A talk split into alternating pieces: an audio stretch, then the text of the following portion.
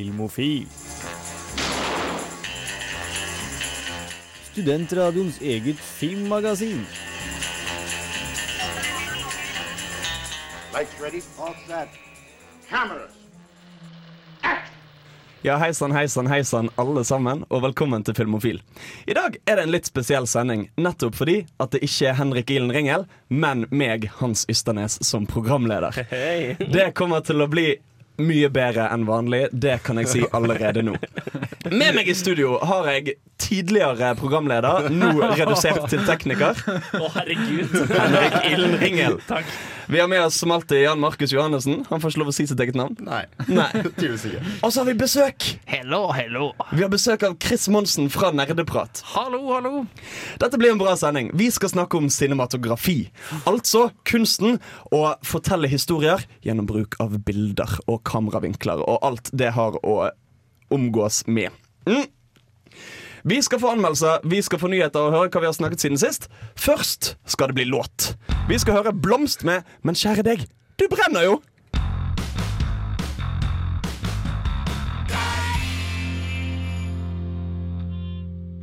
Vi skal ha Siden sist-stikket. Chris Monsen, hva har du sett siden sist? Eh, Siden sist, vel siden jeg har vært født, så har jeg sett veldig mye rart. Jeg ser jo mye av det vanlige, sånn som Harry Potter og Star Wars og sånt.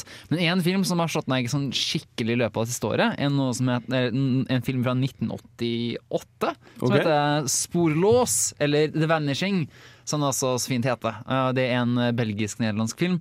En horror. Men det som er så digg med den horroren her, er at den er ikke som de fleste andre horrorer. Den er skummel, bare veldig subtilt. Det er en veldig subtil form for eh, horror. da Det er ikke sånn at det skal være jump scares overalt. Det skal være ekkelt det du ser på skjermen. da, Ikke sant? Det det handler om, er at det er ei jente, eller det er kjæresten til en eh, mann som er på ferie i eh, Belgia, blir kidnappa av en uh, kiss, og hun bare forsvunnet. Og han finner henne ikke. Og bare forsvunnet på bensinstasjonen, finner aldri igjen. Er den på belgisk eller nederlandsk? Ja, eller? det er den. Ah. Og her, så må jeg være, ja, her må jeg være kjempepretensiøs og si at den her må dere faktisk se originalen på. For det er en, engelsk det er en Det finnes en remake. Det finnes en engelsk remake, men den er ganske crap. Jeg tenker at det er en typisk morsom film som er å se med døveteksting. Something rattling. Slow western music playing on the stereo. Har du sett noe fra dette århundret? Dette århundret Åh, ja, har Noen gang. der? Ja, Noen gang. Det her I og med at du kommer på filmofilen. med det. ja, siste, ja, men altså, siste var, sett var vel um, Altså, jeg har ikke sett så mye film i det siste, faktisk. Men det som virkelig slo meg, var jo Grand Budapest Hotel. Ja. Det slo meg som en ganske kul film, bare i Ja. oppsettet til den, og veldig visuelt. Og det er jo veldig god cinematografisk, vil jeg si. Åhå. Ja, ja, Tematisk ja, svært ja, ja, ja. Chris. Se på fyren som har knytta aktuelle. Så intensjonelt, ass. Fy faen. Jan Markus, hva har du sett siden sist? Siden sist så har jeg sett uh, Chef, som er John John Favreaus sånn lille hobbyprosjekt, kan man Ja, kalle det. mannen som Ja. produserte Iron Man. Ja, det Og stemmer. mye annet. Ja. Uh, og det er da Det er en film hvor han har kalt inn mye sånn Han har mye kontakter i bransjen ettersom han er uh, en kjent regissør. Så han har liksom med sånn gjesteopptredener fra Scarlett Johansson og diverse andre. Sean Penn er jo også med. Um, og så det er Filmen i seg selv er så som så bra. Men det du burde se den for, er fordi det er en sånn nesten grafisk matporno. Hvor du får en sånn close-up av ostesmørbrød som er ut av denne verden. Og det er jo en av hovedgrunnene til at jeg også elsker Pixar-filmen Ratatouille. Bare hvordan du klarer å få film til å gjøre deg skikkelig, skikkelig, skikkelig sulten. og så har jeg også sett Hobbiten og Femhærslaget. Og den ga meg egentlig bare mer Ja. lyst til å se Ringenes herre. Så du den på kino, eller så den Nei, den så jeg filmkveld. Så Var det litt sånn, God stemning. jeg fikk litt den følelsen av Hobbiten-filmen, at de var litt sånn Hvorfor er ikke dette Ringenes herre? Ja, Hvorfor det- ser jeg ikke Ringenes herre akkurat nå? Hvorfor det jeg er, dette pizza? det er filmer som har blitt gjort dårlige av forløperne. så hadde de kommet på egen hånd, så hadde det vært sånn «Yay, kule filmer. Men når du ser dem, så er det sånn Du hører uh, den Hobbit-temasangen som kommer, og du tenker liksom Å, nå har jeg bare lyst til å se originalene. Fordi dette her er ikke originalene. Nei, men jeg tenkte faktisk også på når jeg så den filmen at Å, det er ikke så verst det her, da. Litt kjedelig. Vet du hva vi burde se? Lord of the Rings.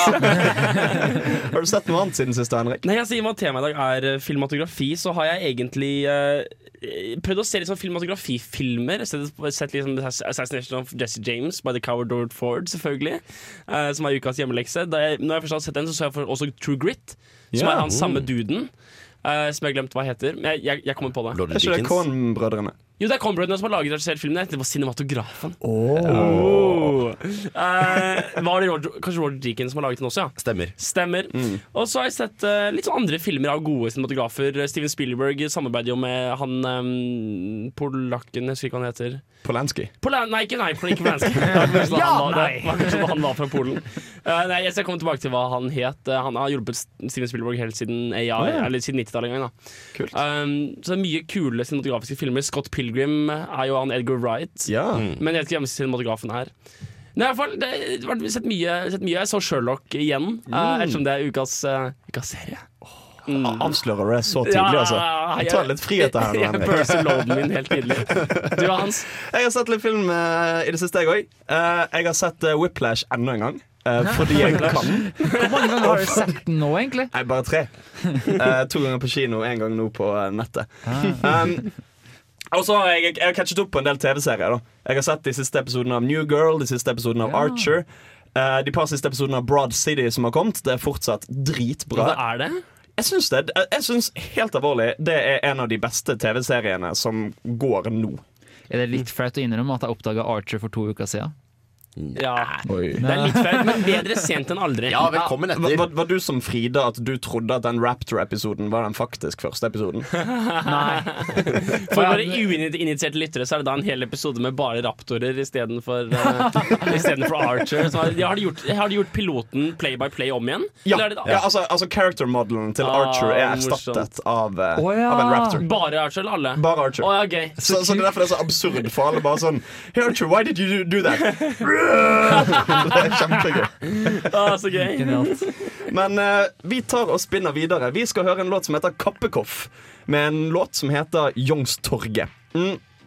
Og please, når det nå først er fire minutter med låt, gå og lik oss på Facebook, eller ta og prat med noen venner. Si at hei, jeg hører på et ganske kult program nå. Det heter Filmofil.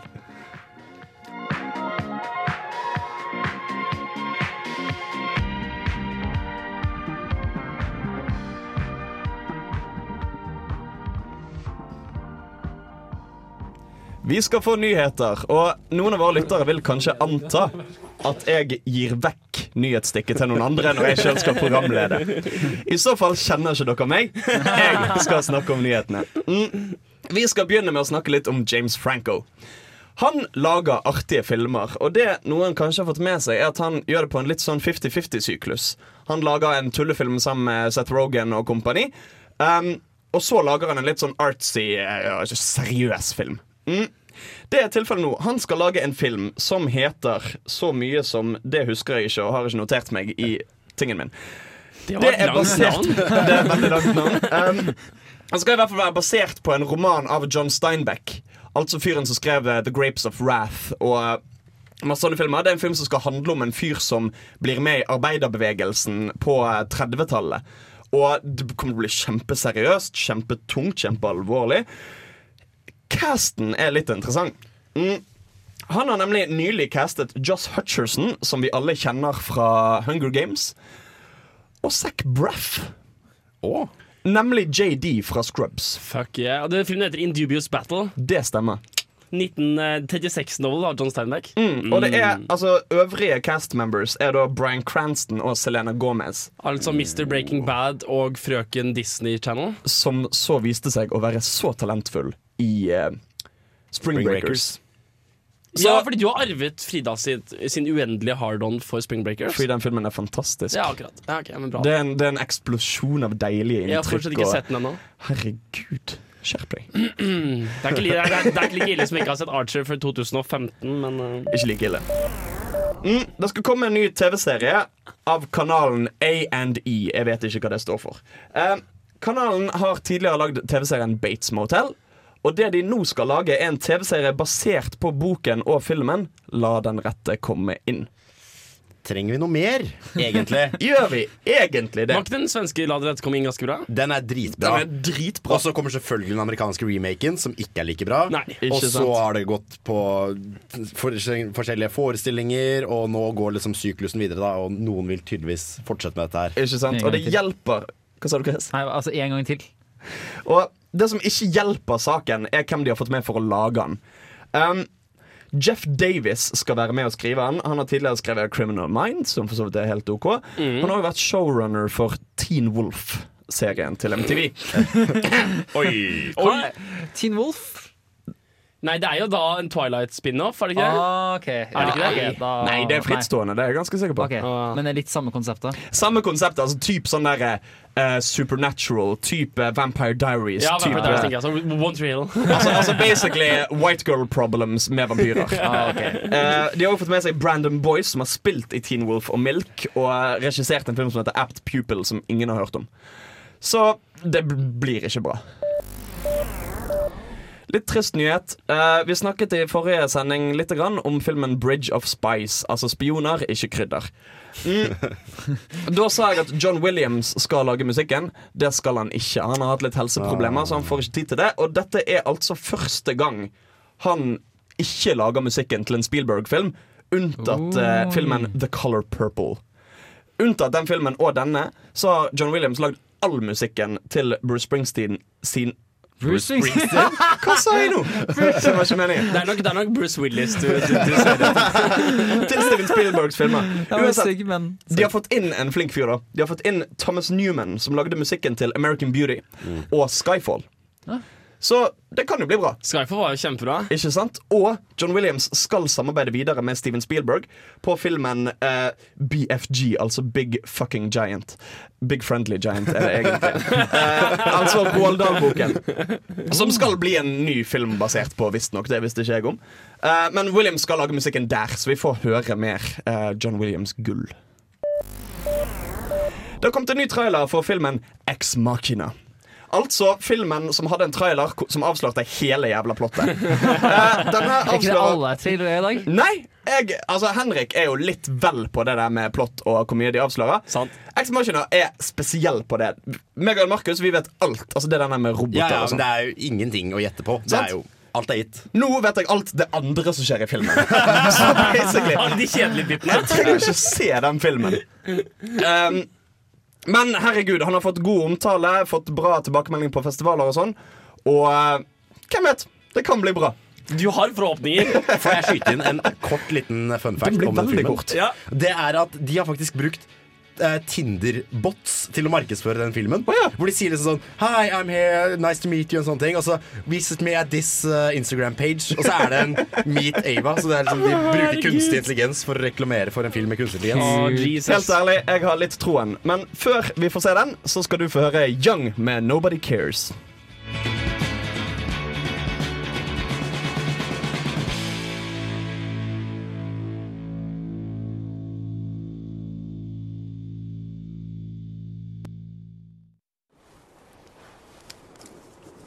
Hva hører du på? Nei, det er litt sånn spesielt. Jeg tror ikke det er noe du har hørt om, egentlig. Ah, ja. Test meg ut, da. Ok. Filmofil. Faen, mann, det er jo en klassiker. Satan, har du hørt det? Jeg skal ha hørt om det. Jan Markus, du har vært og sett en film, har ikke det? Det stemmer, det, Hans. Så smooth! Hvilken film var det? Skal, vi, skal vi snakke mer om det? Det skal jeg fortelle Jeg deg. lurer på, vi skal snakke litt om det. Men jeg, jeg har en gjetning, fordi det heter, stikket heter 'Intro til Selma'. Det kan jo være hva som helst. Ja. Det kan være hva som helst. Det er en film som jeg hørte om eh, for første gang på Oscarseremonien. Da de eh, viste fram eh, et musikknummer fra denne filmen, som også vant Oscar for beste originallåt i en film.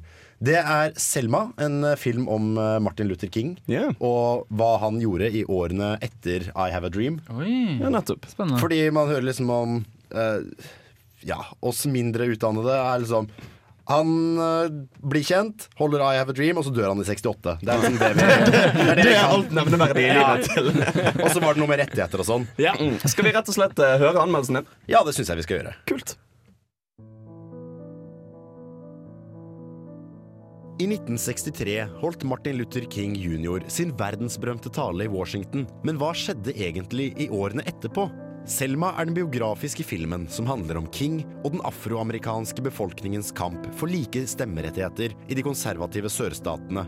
Og hvordan denne kampen kulminerte i demonstrasjoner og sammenstøt. Slagmarken for denne kampen var den lille byen Selma, som filmen også har hentet navnet sitt fra. Det er følelsesladet, det er inspirerende, men hvordan fungerer det egentlig som film? Oh, my lord. What you got us into, woman? We got 128 miles to come to our senses, gentlemen. Hush. This here's the place we need to be.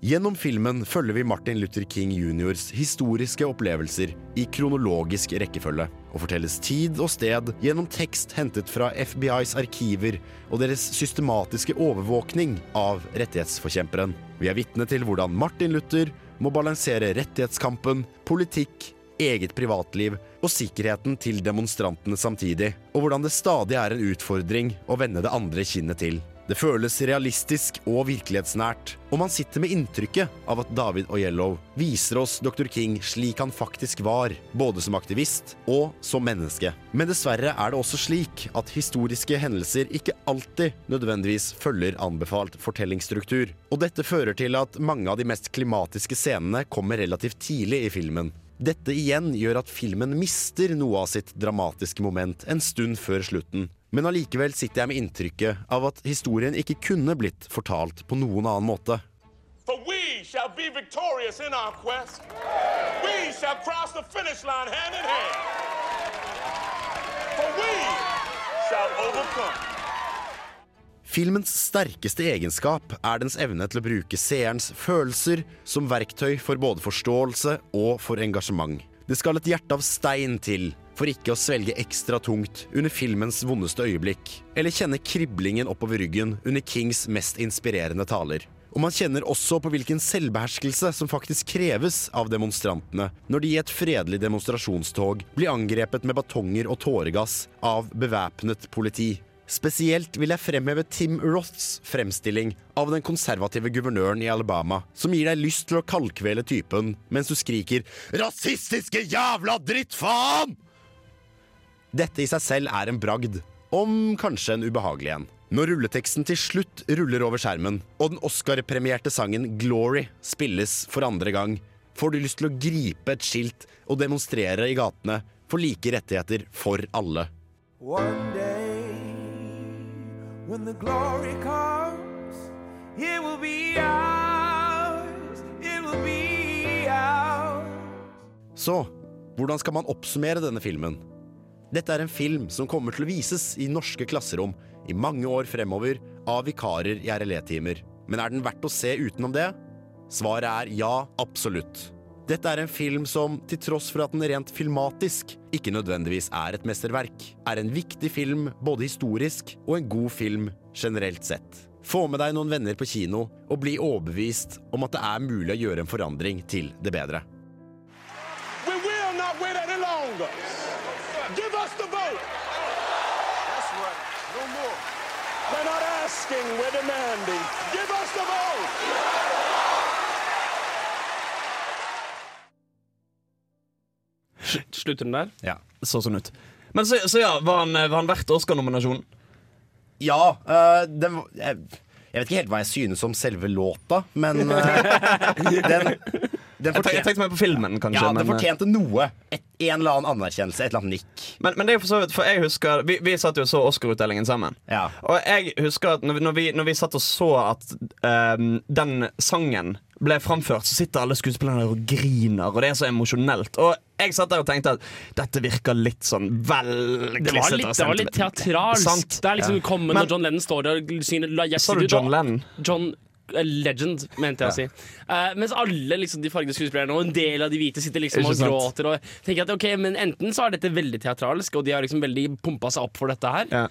Eller så Ja. Eller kanskje litt sånn der kommunistregime sånn, hvis du ikke griner nå, så er du rasist. Ja, for det er jo litt sånn det er også. Mm.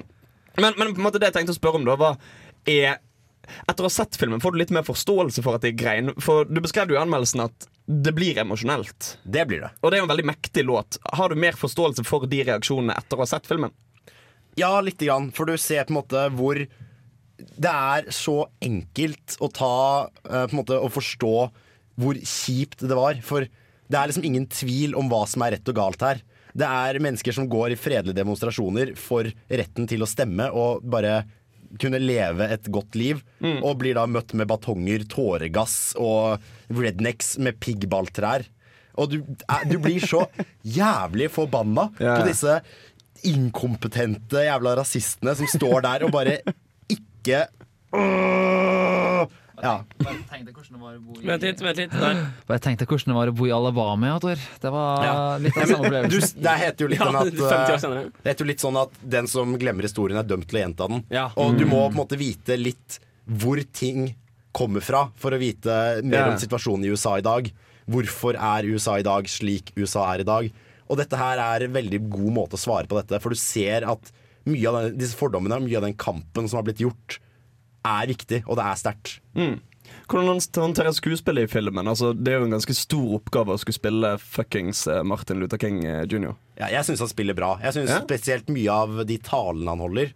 Uh, det, er, det er gjennomført. Det er sikkert, han har sikkert sittet og studert retorikk og YouTube-videoer av Martin Luther King i mange timer for å få til dette her. Ja, for Det hørtes ut som han klarte å fange en litt sånn etosen til uh... Ja, ja, absolutt.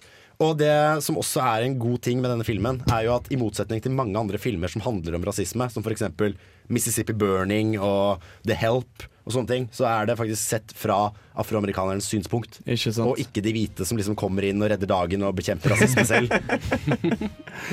Yes. Uh, vi skal snakke om en annen film som jeg har sett. Uh, det gjelder jo å dra alt i min retning. Ikke sant? uh, vi skal snakke om Insurgent, men før vi kommer til Insurgent, så skal du få lov å høre Broen med låten som heter 14.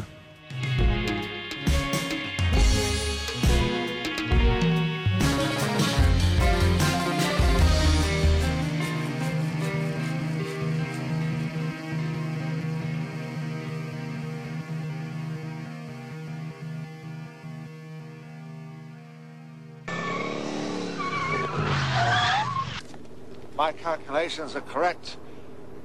When this baby hits 88 miles per hour, you're gonna see some serious shit. Du hører på Filmofil på Radio Revolt. What did I tell you?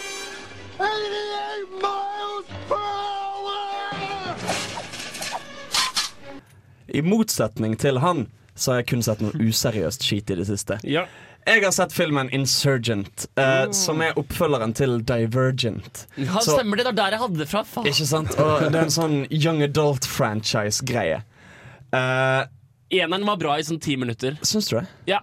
Ok, Så lenge? Det var, Jeg- det var et sted fra ti minutter ut i filmen til 20 minutter ut i filmen hvor den ikke var så verst. Og så innser du på en måte at Hei, det går faktisk ikke noe sted. Dette, Nei. dette er filmen. Ja, ja. og så er det faktisk ingen karakterer i noe. Det er ingen karakterer Man, tror hun er en karakter når man møter henne, fordi, fordi hun går rundt og snakker og sånn. Men, men det, er, det er ingenting der. Ikke sant? Um, det skal sies faktisk, uh, spoiler alert um, Jeg likte denne bedre enn eneren. Wow. Fordi, fordi eneren syntes jeg var helt forbanna verdiløs. Men den her har på en måte sine hva skal jeg si, redeeming qualities. Og så er jo hun Charlene Woodley har mulighet for å være flink. Hun var jo flink i den der uh, Fault in Our Stars. Ja. Ja, ja, ja, ok, jo, hun var flink der. Eh, jeg likte ikke den filmen, men, Nei, filmen var ikke så veldig bra. men, men hun, hun var flink, og hun på en måte Hun er noe av det beste med filmen. Ja. Det er jo en kreftjente, ikke sant? Det er hun kreftjenten. Ja. Og eh, kjæresten til kreftjenten spiller også broren hennes i uh... Hva har du spurt om, Hva likte dere ikke med den? Jeg Nei, gråt, den var litt eh, Veldig påtatt, syns jeg. Ok, så da kanskje jeg selges for rett, da. Mm. Men uh, har dere lyst til å høre hva jeg hadde å si om Ja, ja, ja, ja, ja, ja. Kjempelyst, Hans. Så gøy. Stopp meg når dette høres kjent ut. En tenåring lever i en verden ikke helt ulik vår egen, hvor mennesker deles inn i grupper basert på vilkårlige personlige egenskaper. Hovedpersonen føler seg ikke helt hjemme i noen av de, men blir valgt ut til en, og må gå gjennom en rekke prøvelser med livet som innsats. Etter hvert tar en maktsyk person makten, og pga. at protagonisten er utvalgt, må han eller hun rømme og slå seg sammen med en undergrunnsbevegelse som kjemper for frihet og rettferdighet, samtidig som en enorm konspirasjon sakte, men sikkert utfolder seg. Så du, Hans, har sett en ny Hunger Games-film, right? Eller har det kanskje kommet enda en Harry Potter-film? Nei, nei, Chris og Torben fra Nerdeprat. Jeg har sett Insurgent.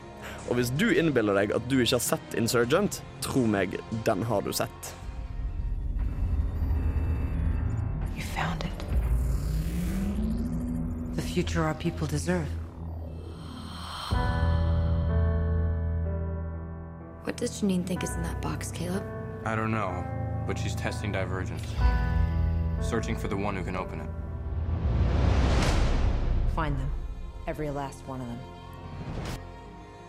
Triss lever i et samfunn hvor alle er delt inn i fem fraksjoner, basert på om de er modige, ærlige, selvoppofrende, smarte eller snille. Når hun skal velge hvilken gruppe hun tilhører, finner hun ut at hun er divergent. Hun hører hjemme i flere av disse gruppene.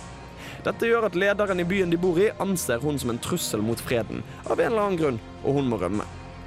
Etter hvert viser det seg at ikke alt er som det egentlig virket, og de er kanskje alle en del av noe større enn de trodde.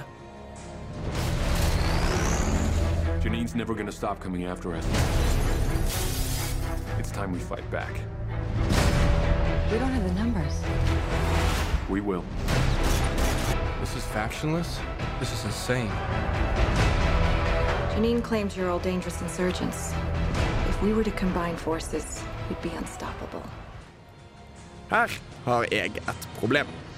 I f.eks. Hunger Games fungerte den noe absurde fremtidsvisjonen, fordi han for det første var en klar satire av klassesystemet i verden og måten masseunderholdning fungerer på, og for det andre ga mening i forhold til filmens interne logikk. Det var en klar konflikt mellom distriktene, men i Insurgent føles det i mye større grad konstruert. Filmen klarer ikke å bestemme seg for om fraksjonssystemet er en ting som virker eller ikke, eller hvorfor det er der i det hele tatt. Det virker i det store og hele som om filmen er mye mer opptatt av å overraske deg hele tiden enn å fortelle. Folk tar ulogiske avgjørelser om hverandre, og filmen prøver å klemme inn så mange twists at jeg til slutt ikke er i nærheten av å bli overrasket, fordi jeg uansett ikke forventer at ting er som de virker. The only chance we have to rescue what little civilization we have left. Dark times call for extreme measures. Let's begin. Divergent, filmen Insurgent er oppfølgeren til, føltes som en eneste lang første akt. Og denne filmen føles som de to siste, uten at det er noe tydelig klimaks eller høydepunkt. Det er i grunnen en rar trilogi, det her. Det føles som Divergent og Insurgent godt kunne ha blitt klippet sammen til én film. Og jeg kjenner at jeg ikke aner hva den tredje filmen kommer til å handle om. Det føles i det hele tatt uinspirert, som om de krysser av punkter på en liste uten helt egentlig å vite hvorfor disse aspektene ved filmen er som de er. Et eller annet sted så har det sittet en forfatter og sagt eh, Nei, jeg vet da faen. Det var noe sånn Hunger Games gjorde det, og sånn Harry Potter gjorde det, og sånn Enders Game gjorde det, og sånn Twilight gjorde det. What does she want with her? It's the perfect subject. You need to be strong. You're brave.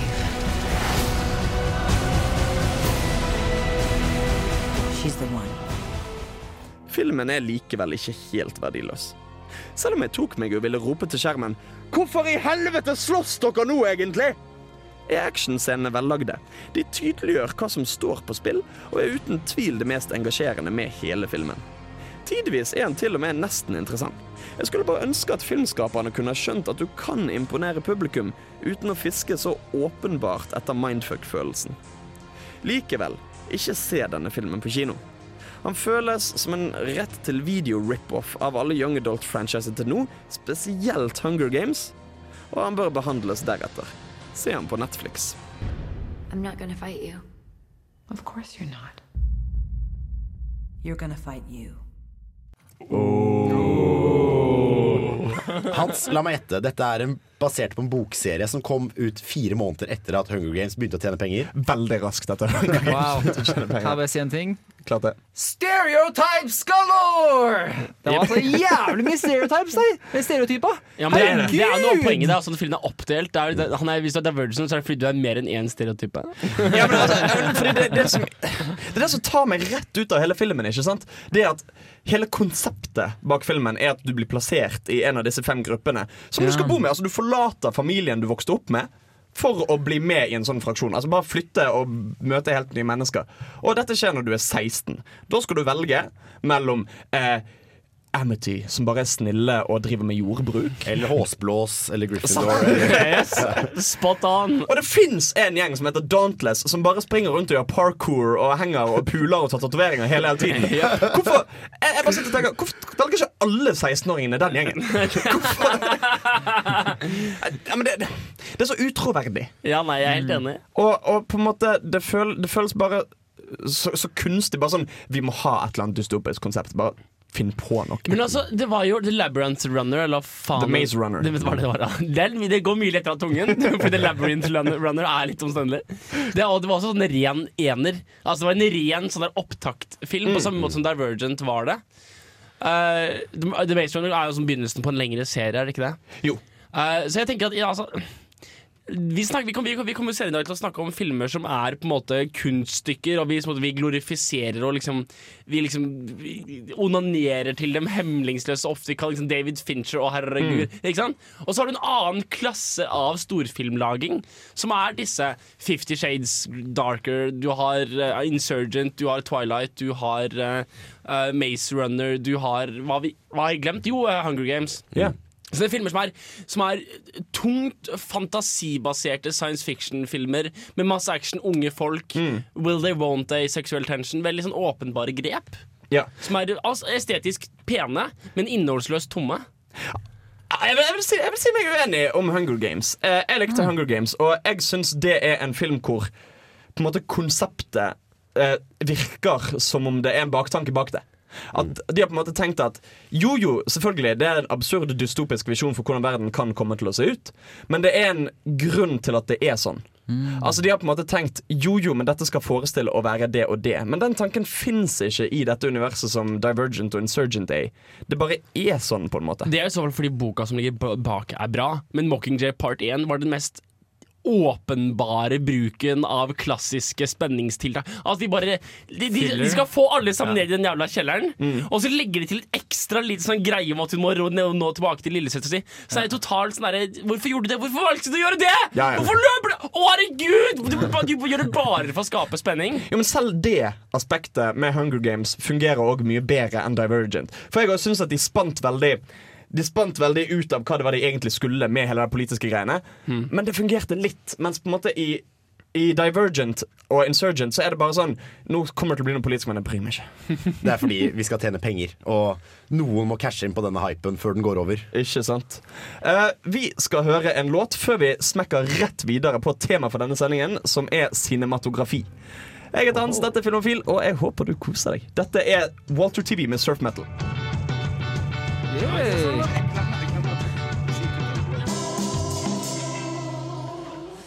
Da er det på tide med tema.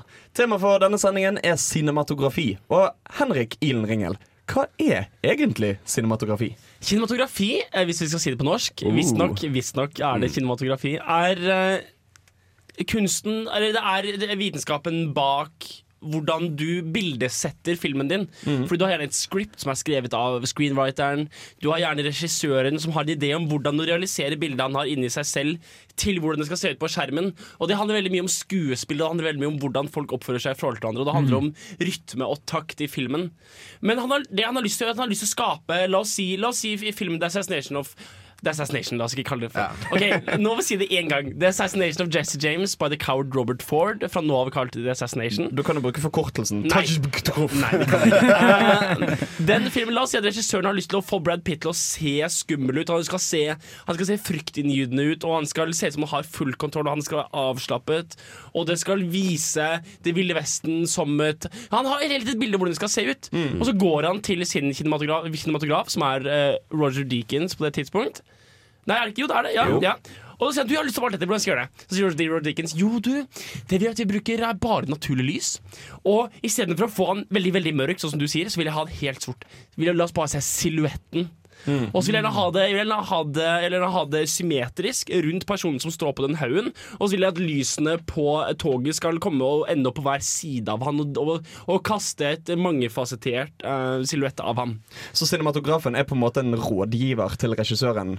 Ja, liksom, cinematografen er egentlig steget mellom Director of Photography er mellom steget uh, mellom, mellom regissør og kameramennene. Ja, ok, nettopp Så veldig veldig enkelt kan vi si at det er han som får filmen til å se pen ut. Ja, det er, han som, det, er, det er han som er mest bevisst ved bildebruken. Mm. Så kan liksom regissøren konsentrere seg om hvor skuespillerne skal stå, og hva som skal liksom Og sitte, Ja, i, en greia. sitte i en klappstol med sånn roper til roper 'cut'! Ja, absolutt. Og det er, og det er på en måte Men det er jo cinematograf, kinematografen og regissøren jobber jo veldig tett sammen. Det er derfor du Mm. ofte får folk som jobber sammen over lengre tid, fordi de er liker hverandre. Mm. Vi har jo snakket om hvordan Grand Budapest Hotel nevnte Chris tidligere, hvordan det var en veldig eh, kinematografisk pen film. Og det, alle eh, attribuerer jo det til Wes Anderson, men det er jo Wes Anderson i samarbeid med sin kinematograf Ja, nettopp. Som har kommet frem til alle disse typiske kar karikaturene. Og det synes jeg er ve- veldig interessant at liksom, du hører ikke så mye om cinematograf cinematografene. Og det er jo liksom, det er jo veldig, de har jo veldig mye å se for Mm. filmopplevelsen, men du ser nesten aldri. Og det, vi snakka om det her en dag Hans, at det er jo sant. Altså, vi legger nesten aldri merke til cinematografene. Nei, nei. nei men kanskje, er, det, er det kanskje en typisk jobb? Altså Greit nok når en er litt sånn filminteressert, så legger en merke til sånt. Men er dette kanskje en typisk jobb som vanlige folk ikke merker når det blir gjort riktig? Ja, det tror jeg. Det tror jeg. Og så er det veldig mange folk som sier Å, han lager så pene filmer, når det egentlig er en mann bak Mm. Mann bak kameraet, naturlig Ja, for det er ofte mye mer fokus på for eksempel ting som lydspor. Hvor det sånn Å, Hans Zimmer lagde dritfet musikk i Batman. Mm. Men det er ingen som sikkert kan fortelle meg hvem cinematografen i Batman er. Det skal jo sies at eh, jeg kom på akkurat nå, det er Robert Yeoman. Yeoman, altså Ok. IE-O-man. Yeoman. Yeoman. Som har laget Som har vært cinematograf på alle Wes Anderson-filmer. Oh, ja. Så det er som vi sier at det er en mann bak navnet. Som, eh, Mm. Ja, som men for gir Det gir jo mening da at hvis de alltid har samarbeidet, så får filmene Så veldig sånn særegen ja. Look og følelse. Så Det er derfor vi hadde lyst til å ta det opp på Filmofil i dag. Fordi, eh, fordi det kan gi deg en såpass glede. Og jeg spesielt er veldig dårlig på å plukke opp subtekst i film. Mm. Vi skal snakke om Sherlock som en serie mye senere i dag. Og eh, når jeg leser meg på den og kinematografien rundt den, og hvordan de bruker bilder for å vise For å frempeke, eller hvordan en transisjon kan fortelle deg noe om noe. Hvor mye Mm. kinematografien forteller, forteller tilskueren om ting du som ikke blir sagt. Yeah. Det, er, det, det gir veldig mye ekstra glede til, til filmen. da Det stemmer. Dette skal vi snakke mer om. Det er på tide med hjemmeleksestikk, men før det får du høre Chastity Belt med Joke.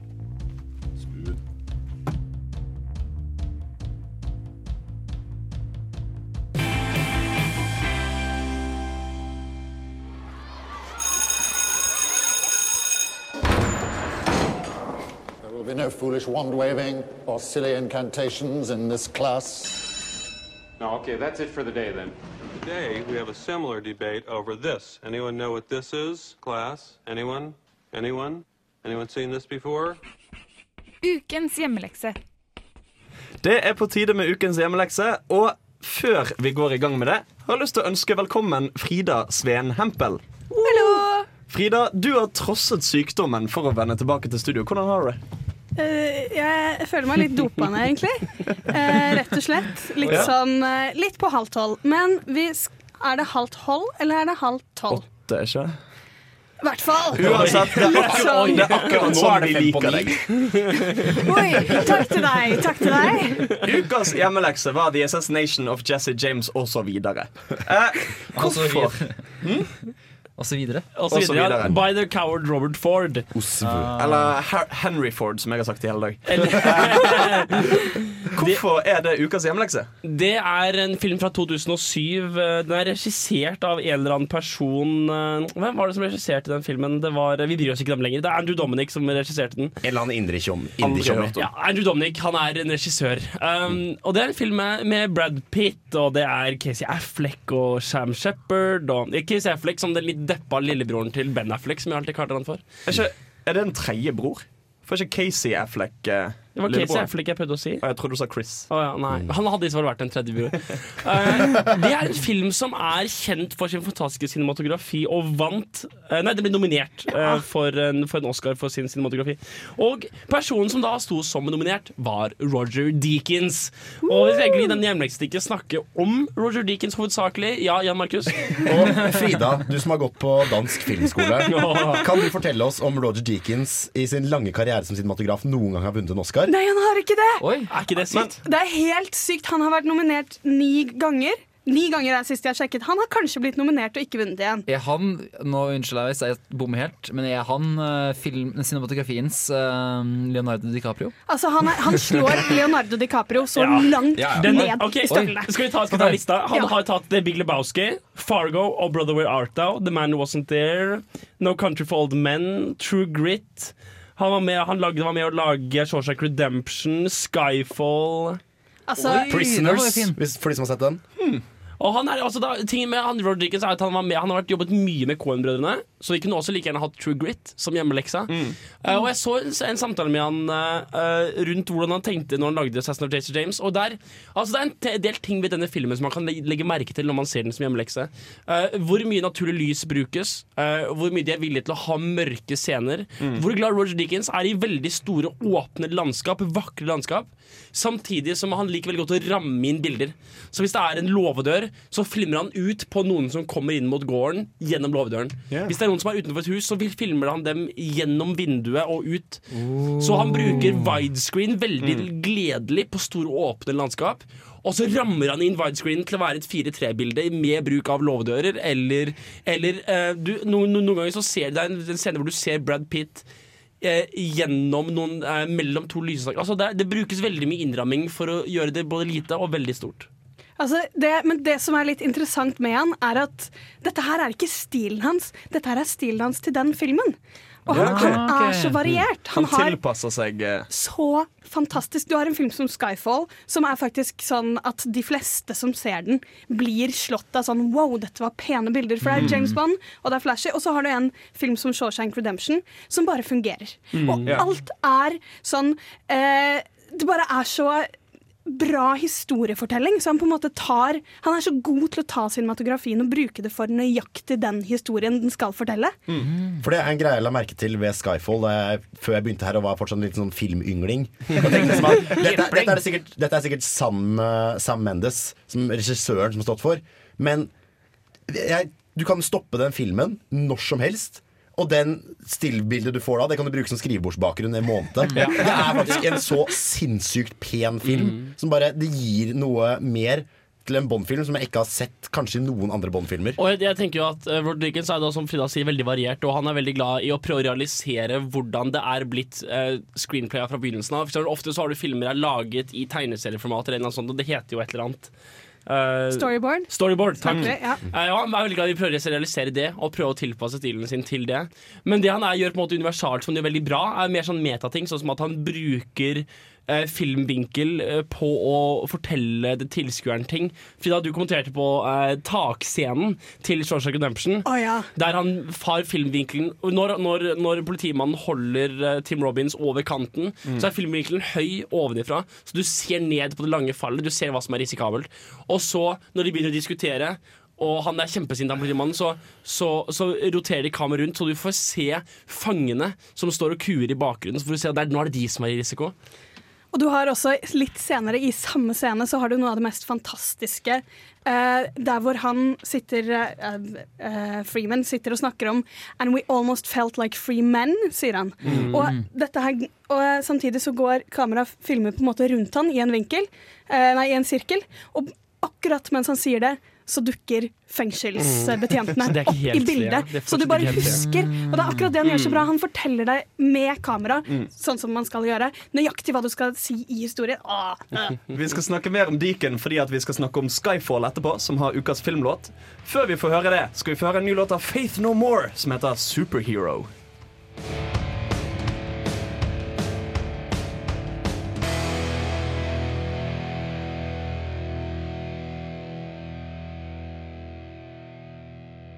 Play it once, Sam. Det er jo alltid å ha musikk når den er påtent. Helst noe indisk eller pakistansk. Ukas filmlåt.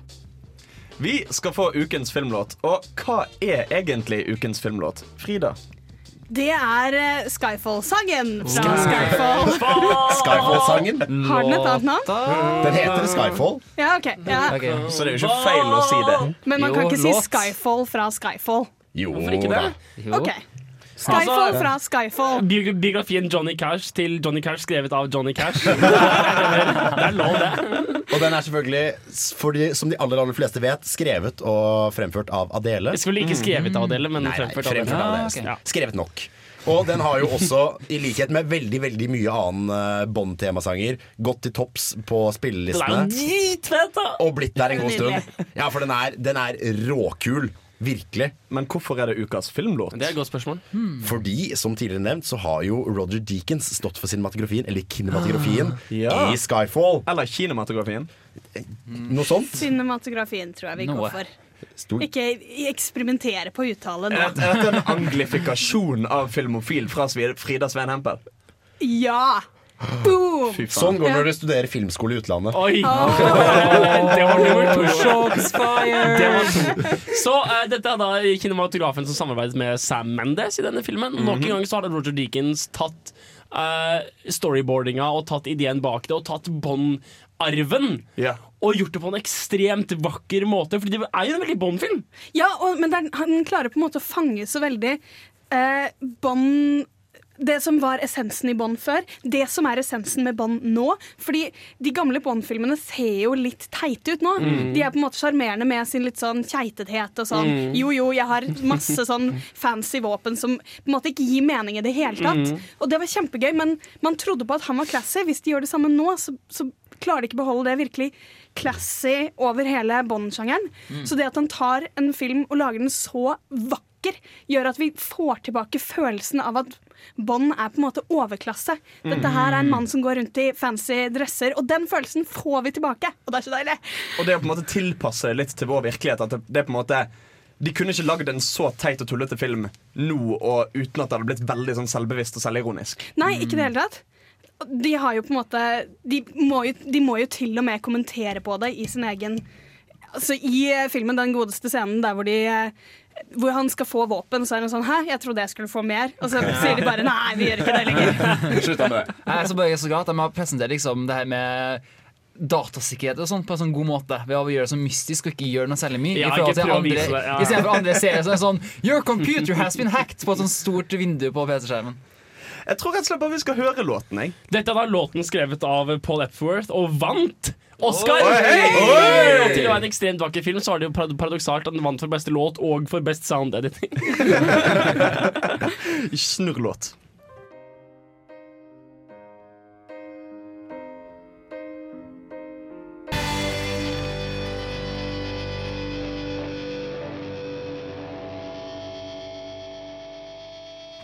Det var Beachheads med 'Getaway'.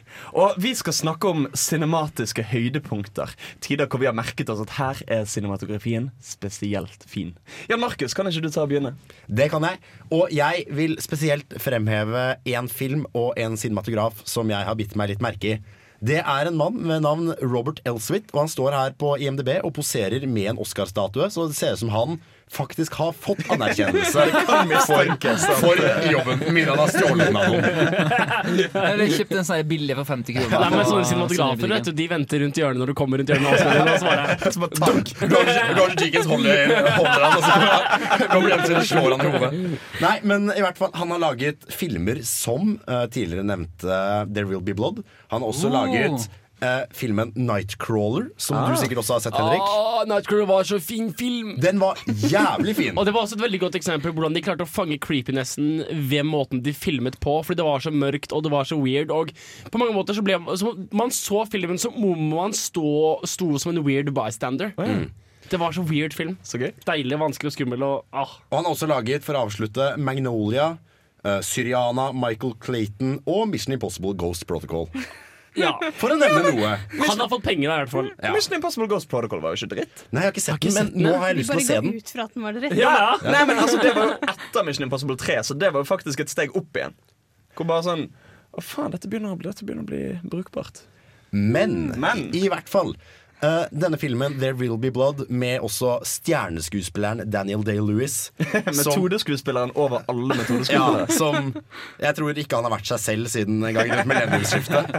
Eh, det er da en film som åpner med at den rolig fader inn, mens noen sånne ja, trege strengeinstrumenter spiller i bakgrunnen.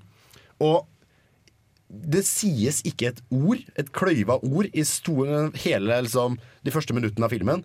Og allikevel, så gjennom cinema- cinematografi, så klarer du da å skjønne hvem denne personen er, hva som står på spill, eh, og bare hele konflikten som er i filmen. Og måten lys og mørke brukes på her om hverandre, for å på en måte symbolisere hvordan Daniel Day-Lewis og karakteren hans er på den ene måten helt jævlig, på den andre måten har mye godt i seg. Er fantastisk. Det er en fenomenal film. Det er kanskje noe av det beste som ble laget eh, på de siste fem årene. Kult. Eh, og det sier litt med tanke på at det er jo samme året som No Country for Old Men også kom ut. Det var jo eh, De kom jo ut eh, Faktisk, fun fact, så måtte jo No Country for Old Men stoppes fordi Oi. røyk fra There Will Be Blood, når de brant en oljerigg, gikk inn på settet. Så det var liksom sånn i bakgrunnen sånn Nei, vent litt, eh, folkens, det er en svær røyksøl i bakgrunnen her. Jeg tror, jeg tror vi må stoppe filminga. Frida, er det noe cinematografi som har gjort sterkt inntrykk på deg? Ja. Um, jeg uh, Skal vi se. Jeg tenkte veldig på uh, den godeste Vi tar Henrik først. jeg finner ikke noe. Jeg trodde at oppgaven var å finne en cinematograf som han likte. Så jeg har med andre ord eh, funnet fram til Janusz Kaminski, som var eh, Steven Spielberg sin faste um, cinematograf helt siden Schindlers List. Er det han vi kom fram til tidligere i dag at ikke var Roman Polanski? ja, det er, han, det er han, som, han er hovedsakelig ikke Roman Polanski, og okay. han er i andres instans ikke eh, noe annet enn polsk. Eh, han har laget Saving Private Ryan, Schindlers List, Catch Me If You Can, Minority Report, Warhorse, Lincoln, The Judge, Munich, War of the Worlds, The Terminal Ja, OK, i hvert fall. Det, Det var veldig eklektisk. det var mye rart, hovedsakelig. Og det er spennende hvordan han kan lage både noe sånt som Minority Report, som er en ganske sånn uh, skitten-stilren science fiction-film. Eh, og han kan lage noe som Catch Me If You Can, som er veldig en, sånn der, en, stil, en film som fanger eh, lyset og humøret til alle de forskjellige stedene de er. Yeah. Han lager Schindlers List, som er en film som bruker ikke bare bruker den farge helt fantastisk, fordi i første scenen så mister du lyset det de slukker de mister, Du mister fargen i filmen idet de slukker lyset i første scenen. Og uh, jeg så spesielt på Saving Private Ryan, der han bruker hvordan, hvordan de klarer å bruke, de bruker Altså Kameraføringen er nedi vannet og ute av vannet og rister. Og Det er som om du er på, på stranda med Tom Hanks. Og det er Janusz Kaminski, da, som er, eh, som er en veldig veldig kul, eh, kul kis. Altså. En flink type, altså. Veldig flink type. Så du kan jo se disse, alle disse filmene jeg nevnte, og kjenne igjen mange ting. Og det er da i samarbeidet mellom Steven Spielberg og Janusz Kaminski. Um, vi skal snakke mer om cinematografiske høydepunkter vi alle har opplevd. Før det skal vi høre Panda Panda med What Are You Waiting For? Du hører på Filmofil. Yes, det var Panda Panda med What Are You Waiting For? Og Chris Monsen, hva er det du venter på? Nei, kan ikke du fortelle ja. oss litt om eh, Jeg, cinematografi? filmnuben, har venta å fortelle dere om en, en gang jeg merker skikkelig hvor viktig cinematografi er. Mm. For at uh, I introsegmentet til TV-serien Dexter Den gjør dem veldig interessant. For da er jo bare en vanlig ståopprutine. Altså at Dexter står opp, pusser tennene spiser Mm. frokost. og Sånn. Men de får det til å virke så ekkelt. Og de får det virkelig fram til, får, viser skikkelig at han er en seriemorder. Da, med sånn skikkelig subtile hints og spesiell fargebruk og sånn. Altså Det er jo subtilt for deg og meg som ikke tar bildebruk overhodet. det faller blod ned i en, i, i en vask og sånn, så det er ikke så veldig subtilt. Nei, men ikke akkurat da, men altså generelt i serien. Ja, okay. Så gjør de veldig serien, mye ja. Ja, okay. Men det er veldig sånn fokusere på groteske detaljer ved bare en vanlig morgenrutine. Altså Det at han skjærer seg med barberblad når han barberer og blodet drypper og sånn. Det at han driver og steiker kjøtt i en steikepanne Og som han den så skjærer opp og appelsinen, eter. Ja, Ikke ikke sant? sant? Det er på en måte bare close-ups på alt. Mm. Og så eh, liksom forhøyes det gjennom oppmerksomheten det Det setter jo det på en måte med en gang hva det her skal handle om. For det hadde vært, en, vært en veldig annet inntrykk du satt hvis du satt liksom på ti meters avstand og filma gjennom liksom stua hvor Dexter sitter og spiser frokost alene. Ok, ja, hva, hva, hva er greia her? Hva er greia her liksom? En fyr som spiser frokost.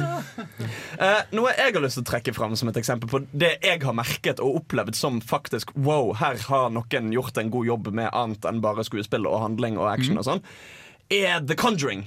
Altså, jeg har snakket No litt om den filmen før.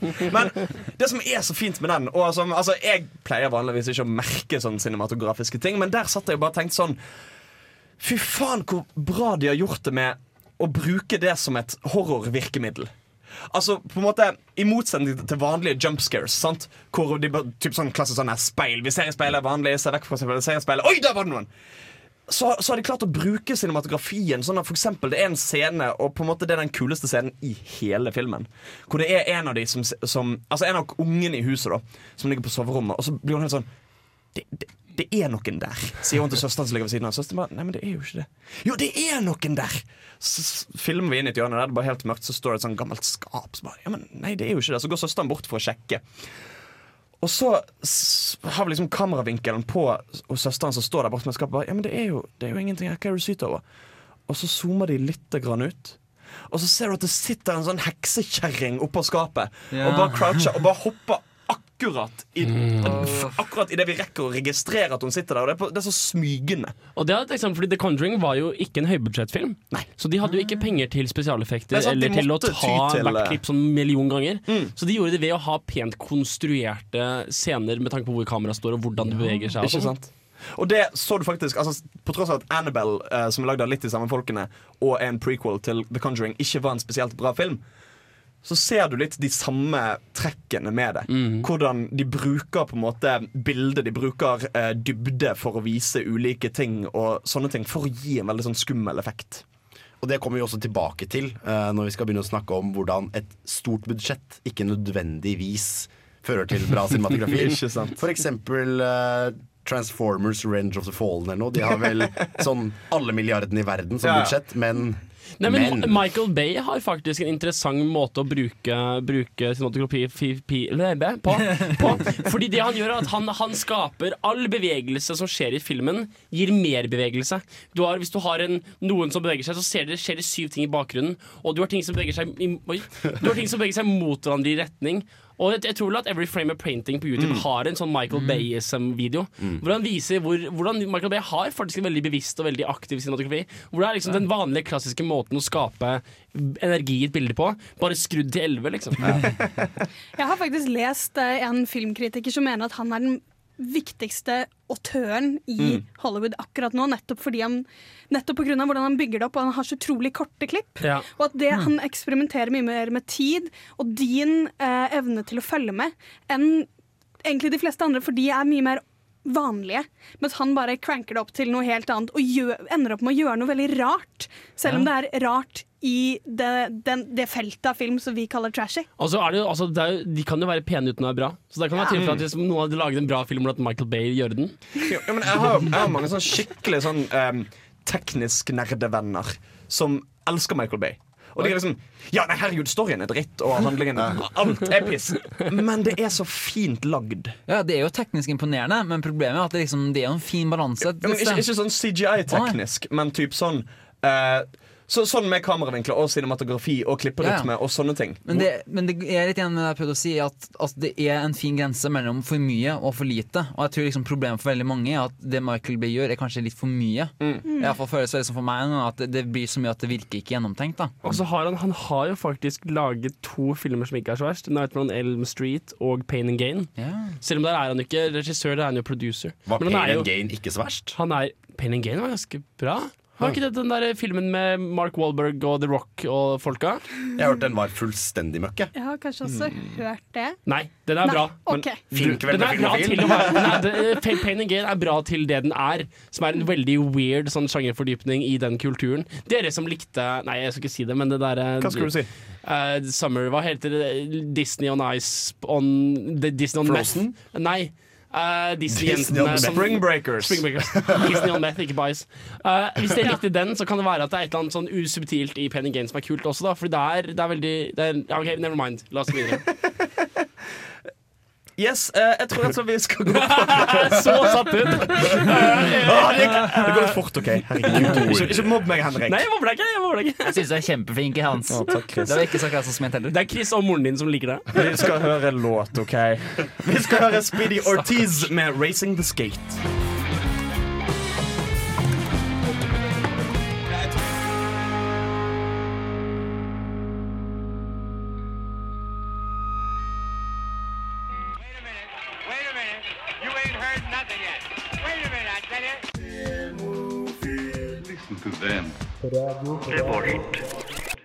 Yes, Nå har vi snakket litt om cinematografiske høydepunkter.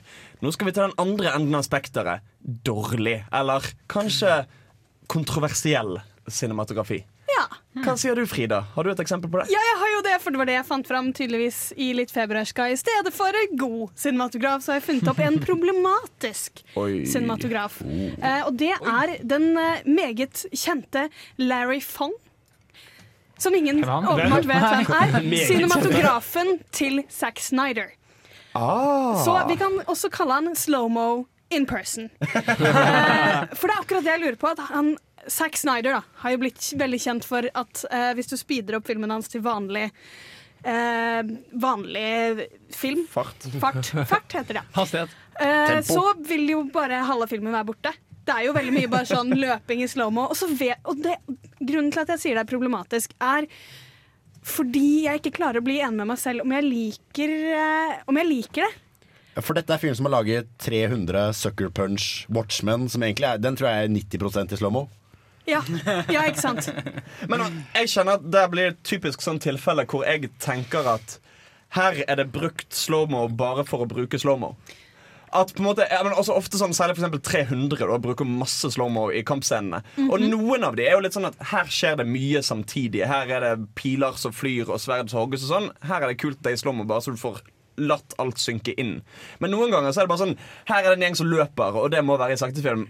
Av en eller annen grunn. Ja, fordi jeg synes egentlig Det er derfor jeg syns det symboliserer litt det som kan bli så dårlig med cinematografi, og det er på en måte show-off. At det bare er sånn Se her, dette er en kul effekt. Og Sucker Punch er vel mest av disse her Um, bare et offer for det. At det virker som de sitter og cinematografisk runker. Mm. Hvor man bare blir slått av sånn er det noe bak det? Er det noen grunn til at dere må gjøre det på den måten? Mm. Og til både 300 og uh, Watchmen så kan man jo si at til en viss grad så tror jeg de gjør det fordi de vil få inn tegneseriefølelsen. Ja. Det at ting er veldig sånn billedlig. Uh, men jeg vet ikke om det gir noe mer enn det. Sånn, se her, dette var en gang en tegneserie. og nå gjør vi det slow-mo, sånn at du skal huske på det. Vet du hva, Når, når du sier pretensiøs og, eh, og liksom noe som prøver å være mer enn det egentlig er, vet du hvilken film det minner meg om? Jeg gjetter Drive! Det er Drive! Det stemmer! Nice. Fordi det eneste som var bra med filmen Drive, var cinematografien. Dere har yeah. vist meg en film eh, En sånn YouTube-video hvor de liksom viser hvordan, hvordan, det er, hvordan bildet er delt i to, og det er skjetthofslige historier på hver bilde. Og så bruker den kvadrantsystemet. Og, eh, og, og, det er, Drive er så fantastisk! Og jeg hater den filmen. altså det må jo sies Vil du bli som filmofil og kunne like mye som vi gjør, gå på YouTube og sjekke ut Every Frame a Painting. Det tar, det, det, det, det der vi tar alt fra. Og det tar bare en halvtime eller noe. Og, og, og ta igjen forspranget vårt. Men Drive var en sånn film hvor det ser ut som det har masse dybde og masse verdifullhet på, på en måte hvordan det er filmet på. Så det er ikke en tilfelle av dårlig cinematografi, men det er et tilfelle av hvordan en dårlig film er forkledd av cinematografi. Men en ting jeg kom til å tenke på når vi snakket om Har ingen tenkt å diskutere med meg på det her? Vi har tatt en diskusjon Vi har ikke så, mange tid gjennom sendingen, Ja, vel, Henrik. ok. Men en ting jeg bet merke i når du sa det med tegneserier, er jo at en film mange hater, er den første Hulk-filmen. Altså Ang Lee sitt forsøk fra 2003 eller noe sånt. Og det som er interessant med den filmen, er at der har de forsøkt å lage en tegneserieaktig film. Altså Der har du på en måte Der kan du se at de for eksempel bruker freeze frame mye, og bruker litt sånn snåle virkemidler for å få det til å se ut som en tegneseriefilm. Og på en måte, Det fungerer ikke. Mm. Det blir dårlig cinematografi, men det blir på en måte eksperimentell cinematografi. Og dårligheten blir på en måte bare sånn Jo, jo, men dere prøvde i det minste. Men kan vi si at det er voksesmerter? Ja, kanskje det. Altså at For at Superheltfilmer var ikke særlig bra i begynnelsen. Det var jo prøvd seg. mm. Ja, det har blitt mye bedre etter hvert. Yes, Vi skal høre en låt. Vi skal høre Viet Kong med Silhouettes. Og etter det skal vi snakke om ukens TV-serie, som er Sherlock.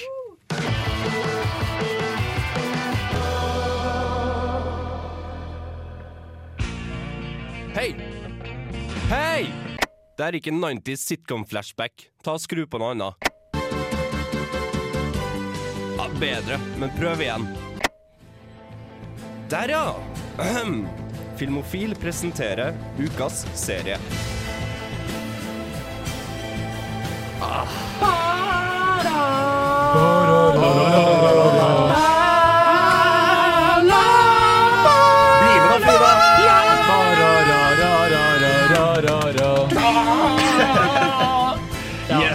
Ukens serie er da altså Sherlock. Sherlock!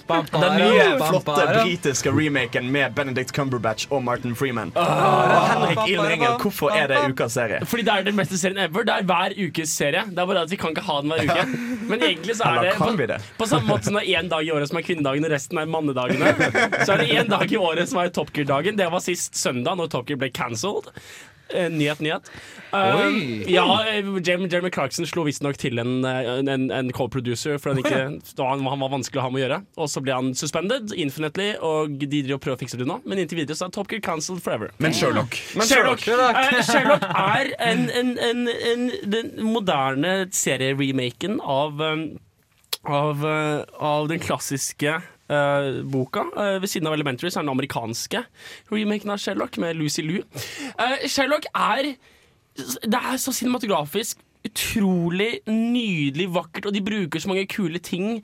Og de bruker alt fra liksom vanvittig slow motion til sånn derre surround neo-effekt til nydelig innramming, og hvordan de bruker farger og mørke og stillhet. Og den fantastiske scenen hvor Sherlock er drita. Ja, hvor det bare er Sherlock, hvor, hvor det, hvor det, og, og det morsomme med den scenen drita, er at i virkeligheten så kan du, du, kan, du er litt dårligere til å fokusere når du er drita. Så i hele den scenen så er fokuset satt med veldig høy åpning på, på blenderen, slik at fokuspunktet er veldig smalt. Slik at det er, hvis, det er, vi- vi- vi fokuserer på ansiktet hans, så er resten av rommet ufokusert. Men dette er jo på en måte eksempel på alt det Sherlock er så god på. Og de, Fordi de, de er ikke bare flashy med alle virkemidlene sine, de gjør det hele tiden så du skal skjønne geniet til Sherlock. Når han ser på en person, så kommer det masse tekst opp rundt Mm. personen, så vi skal skjønne hvilken informasjon plukker han opp når han ser på denne personen. Ja, for Teksten virker jo ganske naturlig. Altså, det, er sånn, Ja, det, er sånn, det, det ser ut som det skal være det. Ikke sant? Det er jo det Sherlock tenker. Og det, er- det er to ting i forhold til det her. Det ene er at, eh, er at jeg klarte ikke å finne noe godt stikk til det her. Fordi hver eneste kule ting som skjer i Sherlock, der er det et samarbeid mellom skuespill, filming og, og, og, og replikk. Uh, så det jeg har funnet av litt stikk, er bare litt sånn Det er 30 sekunder med liksom fornærmelser og morsomme ting Sherlock sier. Skal vi ta høre kort på det? Kjør på. Have you heard of Sherlock Holmes? Oh? Well, you're about to meet him now. This is your case. It's entirely up to you. This is just. Friendly advice, but give Sherlock five minutes on your crime scene and listen to everything that he has to say. And as far as possible, Try not to punch him. Oh, John, I envy you so much. Your mind, so placid, straightforward, barely used. Oh, look at you lot. You're all so vacant. Is it nice not being me? It must be so relaxing. Punch you. Yes, punch me in the face. Didn't you hear me? I always hear punch me in the face when you're speaking, but it's usually subtext. Og det er subtekst som er i denne serien, fordi cinematografien brukes ikke bare for å skape historiefortelling, for å skape spenning, for å skape nydelige transisjoner mellom scener. Men, men, men cinematografien brukes også til å forfortelle handling. For Ja. eksempel Å nei, det, dette blir spoilerland som Ja. faen. Ja, det var, og De hinter jo for eksempel til hvem hovedstemmingen er ganske tidlig. Ja. Og det var Han bare er i bildet, og det er, han er der. Og det er hints.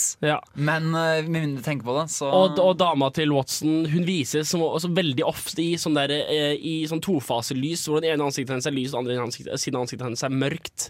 Og det er for å vise at hun har to sider. Og når, når, når, eh, når um, Sherlock, altså Benedict Cumberbatch, forteller om hvor sosiopatisk han egentlig er, og hvor slem han egentlig er, så får du monster lighting, altså hvor du har lys unnifra Ja. og opp. Og det er så mange ting ved denne Det er så sykt mange flotte ting i den serien, og sitte og bare se på den. Oi, vent litt, vent litt. Hæ? Å, ja, ja.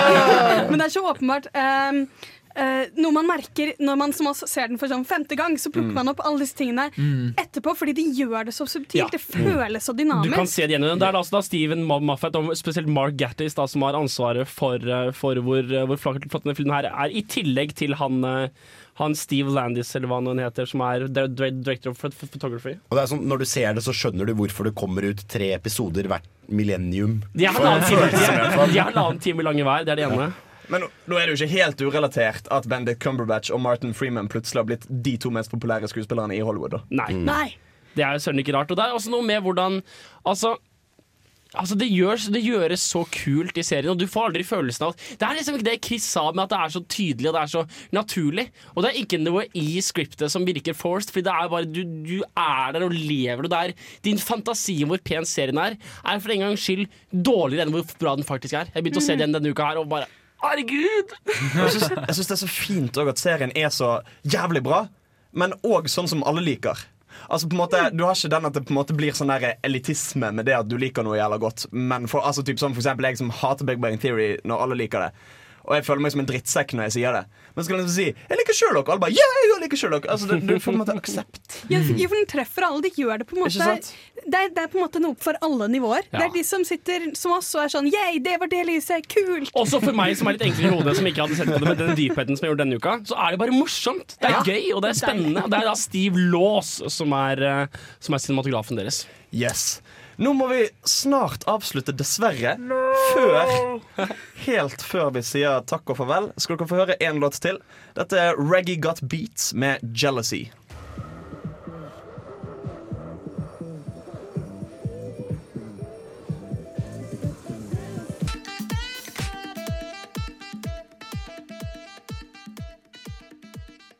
Yes. Da var vi kommet til veis ende. Neste uke så skal vi snakke om maskulinitet. Skal ikke vi det, Jan Markus? Jo, det var veldig maskulint. Absolutt. Vi skal ha en uh, temauke i kulturdelen av Radio Remolt. Nei! Oi, oi, oi. Det er kanskje første gang det har skjedd. Hvor det er nerdeprat, Bokbarn, Garasjen og ikke minst Filmofil. Og ikke minst de skrivende bitene av kultur uh, i studentmediene.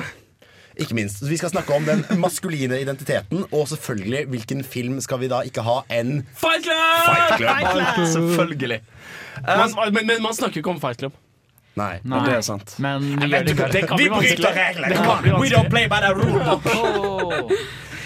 Yes. Nei, men da Det var ble det. litt sånn Det ble sånn slutt, plutselig. Det var god innsats i, i programlederrollen, syns jeg. Jo, takk. Jeg synes, en gang til, jeg syns jeg var flink. jeg. Åh, dere, dere er så fine og snille.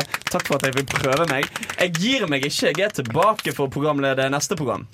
Eh, så dere er ikke kvitt meg ennå. Men se. det har vært en fin sending. Det har det. Vi har hatt anmeldelser.